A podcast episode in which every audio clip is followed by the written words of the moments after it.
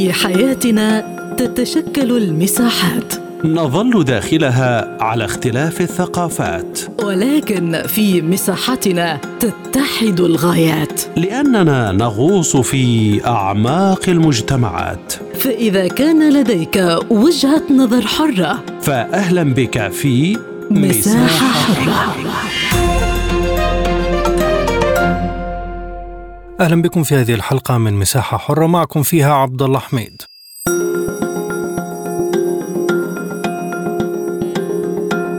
طلبت الولايات المتحدة الأمريكية من إسرائيل تقديم مزيد من الدعم لأوكرانيا وبعثت الإدارة الأمريكية رسالة لحكومة نتنياهو لتقديم خطوات في هذا الصدد إلا أن استراتيجيات مختلفة تدرسها تل أبيب لسير قدما نحو الطلب الأمريكي من عدمه. إدارة بايدن تذرعت بأن التدخلات الإيرانية في منطقة الشرق الأوسط تستوجب تقديم إسرائيل لمساعدات إضافية إلى أوكرانيا وذلك حتى ترغم حكومة نتنياهو المعادية لطهران بشكل علني والرافضة لأي تحركات إيرانية في المنطقة على دعم أوكرانيا. هذا التوجه الأمريكي لإدخال إسرائيل في الأزمة الأوكرانية له محاور مختلفة حيث الصراع في منطقة الشرق الأوسط سيدخل مرحلة جديدة باستهداف إيران المستمر من تل أبيب.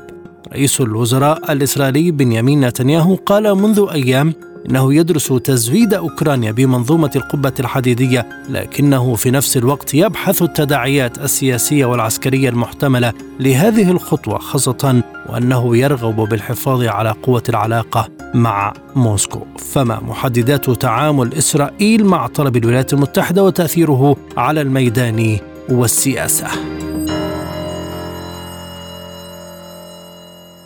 في هذه الحلقة ينضم إلينا لمناقشة هذا الموضوع من القدس الكاتب والمحلل السياسي السيد فراس ياغي أهلا بك سيد الكريم وفي أي سياق يأتي الطلب الأمريكي من إسرائيل زيادة دعم أوكرانيا؟ يعني واضح إنه الولايات المتحدة تريد أن تحسم الموقف الإسرائيلي ضد روسيا وبالتالي هي تضغط على إسرائيل باتجاه تقديم المساعدات نحو أوكرانيا خاصة أنها إسرائيل تعيش آزمة داخلية من حيث طبيعة النظام السياسي والمظاهرات التي تنطلق دائما في كل يوم سبت ضد الإصلاح القضائي الذي ستقوم به حكومة نتنياهو وأيضا أزمتها مع الشعب الفلسطيني ومع القيادة الفلسطينية حيث يزداد الاستيطان وتزداد الاقتحامات للمدن الفلسطينية، لذلك أمريكا تستغل ذلك في الضغط على إسرائيل من أجل تزويد أوكرانيا بالسلاح خاصة القبة الحديدية وهذا من أجل حسم موقفها في مواجهة روسيا باعتبار أن أمريكا تحاول أن تفرض على بعض أصدقائها التعاون بشكل واضح وعلني في مواجهة روسيا في أوروبا. هل تدرك حكومة نتنياهو خطورة ما تطلبه واشنطن منها؟ نعم هي تدرك ذلك وتحاول حكومة نتنياهو أن تأخذ موقفا وسطيا وأن تبحث دائما عن لا أن لا تغضب روسيا خاصة أن هناك تفاهمات محددة بهذا الخصوص فيما يتعلق بالتواجد الروسي في سوريا وبحرية ما تقوم به إسرائيل في داخل سوريا، لذلك هي تعلم مخاطر هذا الموضوع ولكن الولايات المتحدة هي تضغط على إسرائيل لأنها تريد أن تحصل من الجانب الإسرائيلي أكثر من قضية، فالقضية ليست فقط أوكرانيا ولكن هناك قضايا تتعلق بالملف النووي الإيراني وتتعلق بالقضية الفلسطينية وتتعلق أيضا بالوضع الداخلي في إسرائيل، لذلك هي تريد أن تقول لنتنياهو أنه عليه أن يقدم شيئا لأمريكا في هذا المجال ويبدو أن المسألة الأوكرانية هي أهم مسألة بالنسبة لأمريكا، لذلك تضغط عليها مقابل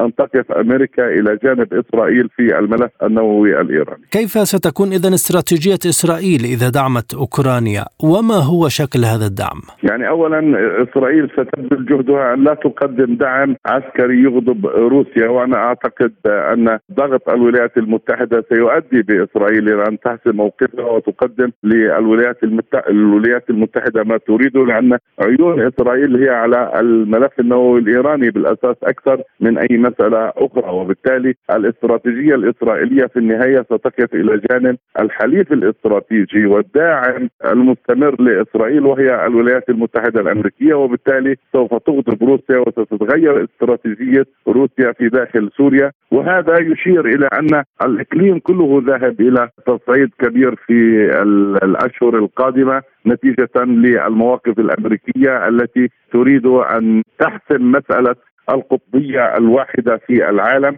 وتؤكد عليها في رفضها لمفهوم إعادة تعريف النظام العالمي الجديد. نظام التعددية القطبيه ونظام الالتزام بالقوانين الدولية ومن هذا المنطلق نراها ليس تضغط فقط على إسرائيل بل تضغط على الكثير من الدول الإقليمية العربية وغير العربية من أجل مواجهة روسيا والصين. ربط كل الملفات إذا ببعضها خاصة ملفات الشرق الأوسط بالأوضاع الدولية، هل له تصورات لمرحلة مقبلة؟ نعم هما التصورات المسألة الأساسية هي في إحداث حرص في داخل الإقليم في مواجهة إيران باعتبار أن إيران يعني أعلنت مواقفها بشكل عملي من خلال هذا التحالف ما بين روسيا وما بين إيران ومن خلال الاتفاقات الاستراتيجية الاقتصادية بين إيران وروسيا وإيران والصين. وبالتالي أمريكا التي راهنت على النفط الإيراني الآن لا تراهن على النفط الإيراني وبالتالي هي غير مستعجلة في مسألة آه، الملف النووي إلا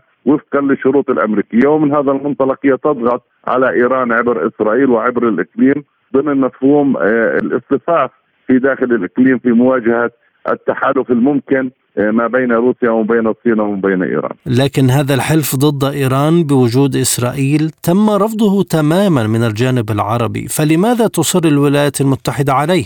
الولايات المتحدة هذه سياستها التقليدية في المنطقة وهي تحاول أن تضغط بكل قوتها بهذا الاتجاه ويبدو أن الجانب الإسرائيلي إذا ما قدم مساعدات لأوكرانيا سيعطي للأمريكان مبررا للضغط على الدول العربية لكي تصطف بعضا من هذه الدول العربية مع إسرائيل في مواجهة إيران في الإقليم، لكن في لحظة رفض إسرائيل للضغط الأمريكي تجاه تقديم السلاح لأوكرانيا فإن هذه الدول العربية ستعي جيدا أن إسرائيل لا تريد أن تصطف ضد روسيا. وبالتالي لماذا تصطف هذه الدول العربية مع إسرائيل في مواجهة إيران في هذه المسألة؟ لأن إسرائيل متخوفة من أي اصطفاف ضد روسيا من الناحية الاستراتيجية ومن ناحية حرية العمل ليس فقط في سوريا وإنما في المنطقة ككل ومن هذا المنطلق أمريكا تريد من إسرائيل أن تبدي موقفا واضحا تشجع فيه بقية الدول العربية بهذا الاتجاه. إدارة بايدن قالت إن التدخلات الإيرانية في منطقة الشرق الأوسط تستوجب تقديم إسرائيل لمساعدات إضافية إلى أوكرانيا، ما الرابط بين المسألتين برأيك؟ الرابط أن آه، آه، تقديم المساعدات العسكرية من قبل إيران إلى روسيا والحلف العسكري الإيراني الروسي في لحظة العداء ما بين إسرائيل وما بين إيران يؤدي بالمفهوم الأمريكي بأن على إسرائيل أن تقف إلى جانب أوكرانيا. خاصة أن إيران تقف إلى جانب روسيا وبالتالي هو يتحدث عن دول الإقليم وإقليم الإقليم في الشرق الأوسط أن هناك دولة تدعم روسيا لذلك لابد من وجود دولة أخرى في الشرق الأوسط تدعم أوكرانيا. ولكن المشكلة الإسرائيلية أن دعمها لأوكرانيا سيورطها بشكل كبير في مواجهة روسيا في المنطقة وهي لا تستطيع مواجهة روسيا خاصة أن لروسيا آه، مخالب كبيرة ولديها أحلاف كبيرة في داخل المنطقة تستطيع أن تؤثر على الجانب الإسرائيلي ككل. ومن هنا هناك مخاطر استراتيجية بالنسبة لدولة إسرائيل في هذا المجال إذا ما أقدمت وقدمت مساعدات لأوكرانيا تحت الضغط الأمريكي. وبناء عليه هل تقديرات نتنياهو ستختلف وتتغير حساباته إذا فكر في المسألة بشكل جدي؟ أنا شخصيا أعتقد أن نتنياهو الحالي ليس نتنياهو السابق، نتنياهو الحالي نتنياهو ضعيف، ضعيف في داخل الائتلاف نتيجة الضغوطات الممارسه عليه من حزب الصهيونية الدينية من سموتريتش وبن جفير وضعيف نتيجة للاتهامات الموجهة لديه في القضاء وبالتالي يريد إحداث إصلاح قضائي لكي يهرب من هذه الاتهامات. وضعيف نتيجة لمواقفه تجاه القضية الفلسطينية وبالتالي هو معني بأمريكا وبحاجة لأمريكا في هذا المجال خاصة أن اليهود في أمريكا أيضا ضد مواقف نتنياهو الداخلية فيما يتعلق بالنظام السياسي وبالتالي ممكن أن يرضخ للمطالب الأمريكية وأن يحاول أن يقدم أسلحة لا تؤثر بشكل كبير على طبيعة الصراع ولكنه في نهاية النهاية سوف يلتزم بالضغط الأمريكي وبالقرار الأمريكي. نشكرك جزيل الشكر السيد فراسياغي الكاتب والمحلل السياسي كنت معنا من القدس. من القاهرة ينضم إلينا أستاذ العلوم السياسية دكتور أيمن الرقب. دكتور أيمن أهلا بك. ماذا يعني طلب واشنطن من إسرائيل دعم أوكرانيا بالسلاح؟ بداية تحية لكم ولكل السادة المستمعين والمتابعين. آه، كما هو معروف أن المخزن الاستراتيجي للولايات المتحدة الأمريكية في الشرق الأوسط هو في دولة الاحتلال. الطلب من إسرائيل آه، تابعنا خلال فترة حكم طبعا نفتالي بينيت يائير لبيد. الموقف الواضح الداعم طبعا لأوكرانيا في آه، الحرب. ولكن نتنياهو يحاول كان خلال الفترة الأخيرة أن يكون محايدا في هذا الأمر. الولايات المتحدة الأمريكية خلال زيارة رئيس المخابرات الاستخبارات الأمريكية CIA ويليام بيرنز وأيضا وزير الخارجية بلينكن تحدثوا بشكل واضح على ضرورة أن يكون هناك دعم واضح آه، من قبل آه، الاحتلال الإسرائيلي لاوكرانيا، خاصة أنه كما هو معروف أن هناك وحدات كوماندوز إسرائيلية أيضا آه، تعمل بشكل طبيعي داخل أوكرانيا في الحرب ضد روسيا. وبالتالي أنا أعتقد الطلب الأمريكي يأتي في سياق زيادة هذا الدعم خاصة كما أشرنا أنه المخزن الاستراتيجي للسلاح الأمريكي هو في تل أبيب.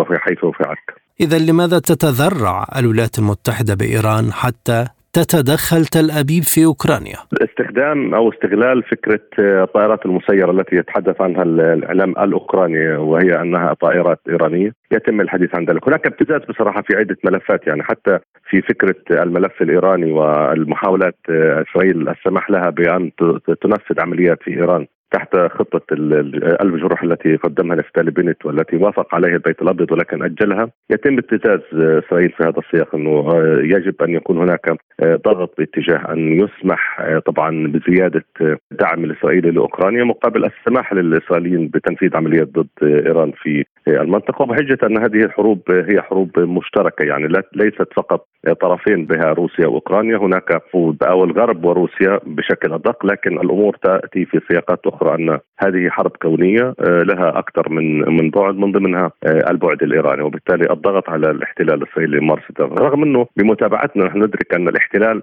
منذ اليوم الأول آه، في الحرب هو أعلن عن دعمه لأوكرانيا ويقدم دعم. لذلك قد يكون هذا الحديث حتى الولايات المتحدة الأمريكية يعني له بعد إعلامي ليس إلا لأنه الاحتلال الإسرائيلي يدعم بشكل كامل أوكرانيا في هذه الحرب ما هو شكل رد الفعل الإيراني إذا على الطلب الأمريكي من إسرائيل؟ يعني آه، إيران آه، نحن حتى نحن ندرك أن إيران لم تخوض مواجهة مباشرة مع الاحتلال وتخوض حروب بالوكالة كانت طبعا عبر حزب الله وعبر حماس والجهاد الاسلامي من قطاع غزة وبالتالي لا حتى اللحظه لا توجد مواجهة مفتوحة لكن هل إيران تتحرك باتجاه أكثر في سياقات أكثر. هل حقيقة الطائرات المسيرة يعني أنا نحن نعتقد أن أن روسيا ليست بحاجة لطائرات مسيرة من إيران ولكن كل هذا الأمر فقط آه، يعني يضخ الاعلام الغرب للتحريض على إيران. لكن إيران حتى اللحظه بصراحة لم تدخل في مواجهة مفتوحة رغم انه الموقف الإيراني هو داعم آه، لروسيا في هذه الحرب. ولكن هل آه، بالفعل يكون هناك مواجهات بين إيران وإسرائيل؟ أنا أعتقد هذا مستبعد. والحرب الباردة بين إسرائيل وطبعا وإيران هي حرب منذ عشرات السنوات لكن دون الوصول إلى لحظة يكون هناك طبعا مواجهة مباشرة بين الاحتلال وإيران. دكتور إلى أي حد تؤثر هذه التدخلات على منطقة الشرق الأوسط إذا تطورت الأمور؟ بالتأكيد الشرق الأوسط هو سيكون ساحة يعني شئنا ما بين أجلنا الأمور أو قدمناها ستكون هي ساحة للمواجهة في المستقبل بين الغرب وطبعا وخصوم الغرب حتى لا نتحدث عن جهة محددة والشرق الأوسط مهما تأجلت فالمواجهة ستكون يعني ساحة البغى الأساسية ستكون منطقة الشرق الأوسط كل هذه المراحل الشد والرخي أنا أعتقد ستكون مؤقتة ولكن ستنفجر الأوضاع في الشرق الأوسط في لحظة محددة وسيكون المواجهات مفتوحة بين الغرب وخصومه في الشرق الأوسط. هل يعني ذلك أن الولايات المتحدة تريد نقل الصراع في أكثر من منطقة بالعالم؟ بالتأكيد يعني من استمع بالأمس لكلام طبعا ماكرون وقبل ذلك لتصريحات من عدة دول من الغرب والولايات المتحدة الأمريكية يدرك أن هذه الحرب ستستمر لأن الحديث أن لن نسمح لروسيا أن تنتصر في هذه الحرب يعطي دلالة أن الحرب هذه ستتمدد وتتسع والحديث عن نقل المعارك في أكثر من مكان أعتقد هذه المخطط الذي يسعى له الغرب لنقل الأزمة من داخل الغرب إلى مناطق مختلفة والشرق الأوسط سيكون أكثر هذه المناطق تاثيرا قد يكون هناك في بحر الصين بعض الأزمات ولكن أنا أتوقع أن تكون الأزمة الأكبر والمواجهات الأكبر في الشرق الأوسط. طيب ما هي الفائدة التي ستجنيها الدول الراغبة في الحروب اذا؟ يعني الغرب يرى أن هذه الحرب فرصة ليعيد آه، رسم خريطة العالم من جديد خاصة إنه بعد الحرب العالمية آه، الثانية العالم بقى كما هو يعني تتحدث عن أكثر من 80 عاما استقرار آه، في الجغرافيا. هم يريدوا أن يغيروا الجغرافيا سيستغلوا هذه الحرب لتغيير الجغرافيا. لذلك تمدد الصراع يعطيهم فرصة ليعيدوا رسم الجغرافيا بشكل كامل. والجغرافيا ستعتمد بصراحة على الثروات الاقتصادية والمائية في العالم بالتالي هم سيستغلوا هذه الحرب ويصعدوها بشكل باخر للوصول للحظة حاسمة. يتمكنوا طبعا نحن نتمنى الا لا يحدث ذلك. أن ينتصروا ويقسموا العالم كما يشاءون مرة لكن دكتور منذ 2010 والمنطقة ملتهبة وتم تقسيم الدول على أساسات سياسية وقبلية وطائفية ما هو الأبعد من ذلك؟ أنا أعتقد منذ عام 2010 حتى الآن الفكرة لم تنضج بشكل كامل والظروف لم تساعد. يعني على سبيل المثال كان مخططا لمصر أن يتم تقسيمها. لم تنضج هذه الفكرة وذلك لعدة اعتبارات من ضمنها وجود جيش عميق تمكن من وقف هذه الخطة وتحدثت عن ذلك بصراحة كوندليزا رايس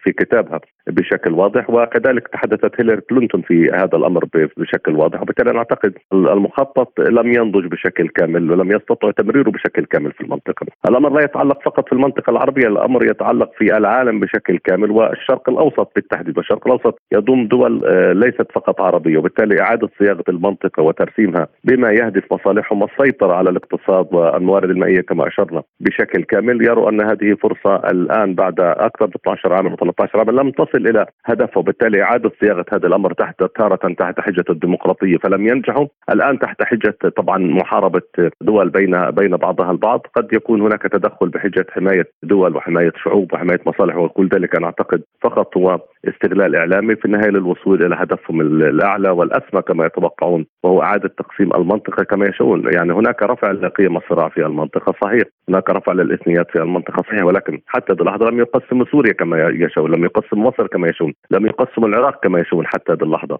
وبالتالي لو تحدثت فقط عن المنطقة العربية فأنا أعتقد الأزمات ليست فقط في المنطقة العربية، الأمور تتمدد لأكبر من ذلك وأبعد من ذلك. إلى أي حد تستجيب إسرائيل للدعوات الأمريكية بدعم قوات كييف؟ يعني للأسف بعض الدول الصامته تساعد لو لم تكن بشكل مباشر بنتيجة صمتها وبالتالي إن كانت تبحث أنها ستبقى في في المستقبل في حالة استقرار فانها مخطئه وأكبر نموذج دائما نتحدث نحن بعد أكثر بعد تشكيل جامعة الدول العربية من أكثر من 70 عاما أو يعني نقترب من 80 عاما لم تستطع الدول العربية أن تحقق على سبيل المثال حالة اتحاد حقيقية بين الدول العربية رغم كل محاولات الفاشل التي كانت في عام 56 بين مصر وسوريا ولاحقا بين حتى دول الخليج نفسها بذاتها والأنانية التي أصبحت سائدة لدى صناع القرار نتج عن ذلك كل هذه الحالة وبالتالي أصبحت لغمة سائغة للغرب ليفعل ما يشاء في المنطقة وبالتالي أنا أعتقد إن لم تكن بعض الحكومات تساعد بشكل مباشر فإنها تساعد بشكل غير مباشر في نجاح المشروع الغربي في المنطقة.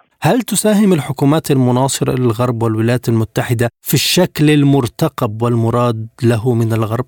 هو في البداية لازم نعرف إن الولايات المتحدة بتسعى في الوقت الحالي إلى تجيش كل حلفائها من أجل الوقوف أو دعم أوكرانيا للوقوف أمام روسيا. بالطبع اللي بيدفع الفاتورة وبيدفع الضريبه هو الشعب الأوكراني للأسف الشديد تم تدمير بنيته التحتية وتأذى كثيرا بسبب هذه الحرب المفتعلة من جانب أوكرانيا والمفتعلة من جانب الولايات المتحدة الأمريكية وحلف الناتو. ففي الوقت الحالي زي ما شفنا الضغوط الأمريكية على دول حلف الناتو ودول الاتحاد الأوروبي للمساهمة في دعم أوكرانيا ففي الوقت الحالي بدأت تتجه إلى إسرائيل وتسعى إلى إن إسرائيل تدعم بشكل قوي أوكرانيا من خلال طبعا السلاح من خلال المعونات العسكرية كل ده. ولكن في النهاية الأمور محسومة على الأرض والأمور يجب أن ترى الولايات المتحدة الأمريكية الوضع كما هو حقيقي على الأرض دون العمل على تصعيد الأمور والعمل على تصعيد الأزمات على مستوى العالم بشكل كبير في ظل طبعا تجيش زي ما بقول لحضرتك كل حلفائها لمواجهه روسيا أو من أجل دعم أوكرانيا. في النهاية وجود أسلحة متعددة أو متنوعة من أغلب دول العالم هو أمر ليس بالسهل أن يتم على الأرض الأوكرانية. إن وجدت فالعمل العسكري على الأرض شيء مختلف تماما. العمل العسكري بالمعدات والأسلحة المختلفة من دول مختلفة يجب أن يكون تدريب عليها لسنوات طويله لفترات طويلة قد تصل إلى ست شهور أو سنة من أجل أن تكتمل المنظومة ككل أو تتعامل المنظومة ككل بشكل أساسي. ثانيا أن عدد الأسلحة اللي بيتم إرسالها إلى أوكرانيا في الوقت الحالي لا تكفي لمواجهه الجيش الروسي. شكرا جزيلا لك دكتور أيمن الرقب أستاذ العلوم السياسية كنت معنا من القاهرة. ينضم إلينا كذلك من القاهرة السيد جميل عفيفي الكاتب الصحفي. أهلا بك سيد الكريم. إلى أي مدى تريد إسرائيل دعم أوكرانيا بمزيد من المساعدات المختلفة بعد الطلب الأمريكي؟ هو في البداية لازم نعرف أن الولايات المتحدة بتسعى في الوقت الحالي إلى تجيش كل حلفائها من أجل الوقوف أو دعم أوكرانيا للوقوف أمام روسيا. بالطبع اللي بيدفع الفاتورة وبيدفع الضريبه هو الشعب الأوكراني للأسف الشديد تم تدمير بنيته التحتية وتأذى كثيرا بسبب هذه الحرب المفتعلة من جانب أوكرانيا والمفتعلة من جانب الولايات المتحدة الأمريكية وحلف الناتو. ففي الوقت الحالي زي ما شفنا الضغوط الأمريكية على دول حلف الناتو ودول الاتحاد الأوروبي للمساهمة في دعم أوكرانيا ففي الوقت الحالي بدأت تتجه إلى إسرائيل وتسعى إلى إن إسرائيل تدعم بشكل قوي أوكرانيا من خلال طبعا السلاح من خلال المعونات العسكرية كل ده. ولكن في النهاية الأمور محسومة على الأرض والأمور يجب أن ترى الولايات المتحدة الأمريكية الوضع كما هو حقيقي على الأرض دون العمل على تصعيد الأمور والعمل على تصعيد الازمات على مستوى العالم بشكل كبير في ظل طبعا تجييش زي ما بقول لحضرتك كل حلفائها لمواجهه روسيا أو من أجل دعم أوكرانيا. في النهاية وجود أسلحة متعددة أو متنوعة من أغلب دول العالم هو أمر ليس بالسهل أن يتم على الأرض الأوكرانية إن وجدت فالعمل العسكري على الأرض شيء مختلف تماما. العمل العسكري بالمعدات والأسلحة المختلفة من دول مختلفة يجب أن يكون تدريب عليها لسنوات طويله لفترات طويلة قد تصل إلى ست شهور أو سنة من أجل أن تكتمل المنظومة ككل أو تتعامل المنظومة ككل بشكل أساسي. ثانيا أن عدد الأسلحة اللي بيتم إرسالها إلى أوكرانيا في الوقت الحالي لا تكفي لمواجهه الجيش الروسي طيب عندما تطلب إذا واشنطن من تل أبيب دعما عسكريا ألا يدلل ذلك على فشل أوروبي أمريكي في دعم كييف؟ هو بالطبع هناك فشل كبير الفشل واضح على الأرض سيدي الفاضل يعني فشل واضح على الأرض يعني دولة مع كل هذا الدعم الأوروبي ومع كل هذا الدعم العسكري الدولي ولكنها فشلت في أنها تحقق أي نصر كان أوكرانيا زي ما إحنا شايفين بسبب تعنت رئيسها وحكومتها وبسبب تعنت أيضا الولايات المتحدة الأمريكية ورفضها لإيقاف هذا النزاع. تأثرت بشكل كبير الخاسر الكبير هو أوكرانيا زي ما بقول لحضرتك ايا كان الدعم اللي هيصل إلى أوكرانيا لن تستطيع به مواجهة الجيش الروسي في الوقت الحالي. لكن للأسف الشديد التعنت الأمريكي والضغط الأمريكي على الرئيس الأوكراني وأصبح الرئيس الأوكراني في الوقت الحالي غير قادر على اتخاذ قرار منفردا. لكن هو يرى أن دولته تنهار يرى أن شعبه ينهار بسبب تعنته بسبب رفضه لكل المفاوضات التي تتم في الوقت الحالي فعلى الجانب الآخر يجب أن تتوقف الولايات المتحدة الأمريكية، الولايات المتحدة الأمريكية بالطبع عندما تطالب الاتحاد الاسرائيلي بالتدخل هو فشل بالفعل من الولايات المتحدة الأمريكية. وفشل من الاتحاد الأوروبي ودول حلف الناتو في تقديم الدعم الكامل لأوكرانيا. يعني إحنا لو نظرنا على الدعم بالدبابات اللي هيصل إلى أوكرانيا لو وصل هي 150 دبابة يعني عدد الدبابات اللي هتصل إلى أوكرانيا 150 دبابة، هل ال 150 دبابة دول قادرين على مواجهة دولة تمتلك 18% من دبابات العالم اللي هي روسيا؟ تمتلك أكثر من 15 ألف دبابة. يجب أن الدبابات عشان يتم تنفيذ مهمها العسكرية يجب أن يكون هناك غطاء غطاء جوي هل هناك غطاء جوي يستطيع أن يواجه أو أن يوفر الحماية الميدانية للدبابات في عملها. قيس على ذلك كل الأسلحة اللي بيتم إرسالها إلى أوكرانيا. هي كلها أسلحة دفاعية فقط. فكيف ستواجه طبعا أوكرانيا الجيش الروسي. اذا الميدان لن يتأثر سواء دعمت إسرائيل الجانب الأوكراني أو لم تدعمه. أنا أرى إن جبهة القتال لن تتأثر نهائيا بل على العكس قد يتم ضرب أو قصف تلك المعدات قبل أن تصل إلى أرض المعارك. لأن زي ما بقول لحضرتك لا يوجد لها غطاء جوي لا يوجد لها حتى لو وجد لها غطاء جوي كم من الوقت ستستنفذه في يستنفذه في التدريبات على تلك الأسلحة. الجديدة، الأسلحة الجديدة دي يجب بتكنولوجيا مختلفة تماما عن التكنولوجيا اللي موجودة في الأسلحة الأوكرانية في الوقت الحالي أو التسليح الأوكراني، الموضوع صعب الموضوع كبير جدا ولكن أعتقد إن الولايات المتحدة الأمريكية مصممة على تنفيذ العمل العسكري أو استكمال العملية العسكرية حتى آخر مواطن أوكراني. ما هو شكل الدعم برأيك الذي ربما ترسله حكومة نتنياهو إلى أوكرانيا؟ هو بالطبع ممكن يكون دعم في بعض الدبابات إحنا نعلم إن إسرائيل تمتلك دبابات قوية أو لديها الدبابة المركبة هي دبابة قوية ولكن أو ربما بعض الصواريخ المختلفة الدفاعية لكن في النهاية زي ما بقول لحضرتك لن تؤثر بشكل كبير على الموقف على أرض المعارك بل بالعكس سيزيد الأمور تعقيدا وسيزيد من الرد الروسي القوي في أرض المعركة، يعني إحنا خلي بال حضرتك حتى هذه اللحظة لم تعترف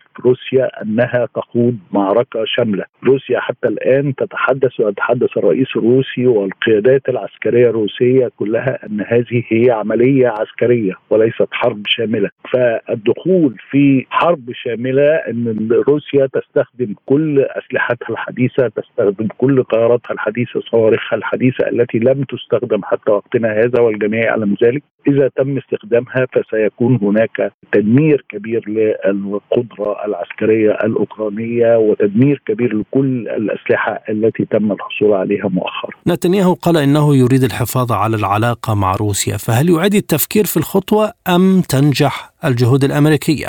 هو أعتقد بالطبع إن علاقات إسرائيل ستتأثر كثيرا كثيرا كثيرا إذا مع روسيا إذا تم دعم أوكرانيا بشكل واضح يعني أو بشكل صريح وإسرائيل من الدول التي لا ترغب أن تفقد علاقتها بالقوة الفاعلة في النظام العالمي ومن المعروف طب بالطبع أن روسيا هي من القوة الفاعلة في النظام العالمي.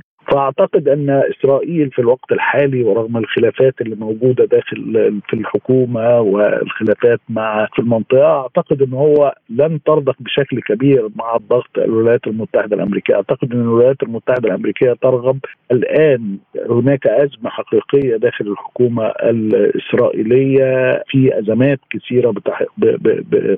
أمام هذه الحكومة. فاسرائيل فبالطبع الولايات المتحدة الأمريكية تستغل هذه الفرصة من أجل الضغط على نتنياهو على أساس إن الولايات المتحدة الأمريكية ستقف بجانب الحكومة الإسرائيلية ويتم تدعيمها بشكل كبير لكن أنا أرى في الوقت الحالي أن إسرائيل, إسرائيل ترغب في عدم إفساد العلاقة السياسية مع روسيا. أخيرا كيف سيكون شكل المنطقة عندما تربط واشنطن دعم أوكرانيا من إسرائيل بالدور الإيراني؟ هو طبعا هذا الأمر سيتم إشعال الفوضى في المنطقة بشكل كبير ويجب علينا أو على الولايات المتحدة الأمريكية أو على دول المنطقة إنها تستوعب جيدا ما يحدث أو ما ترغب احداثه الولايات المتحدة الأمريكية لو صراع مستمر لا ترغب في إنهاء هذا الصراع من أجل أن يكون حتى لا يقال أو حتى لا تعترف دول العالم بأن روسيا حققت النصر وبتحقيق روسيا للنصر على أوكرانيا وهو تحقيق للنصر على حلف الناتو والولايات المتحدة الأمريكية.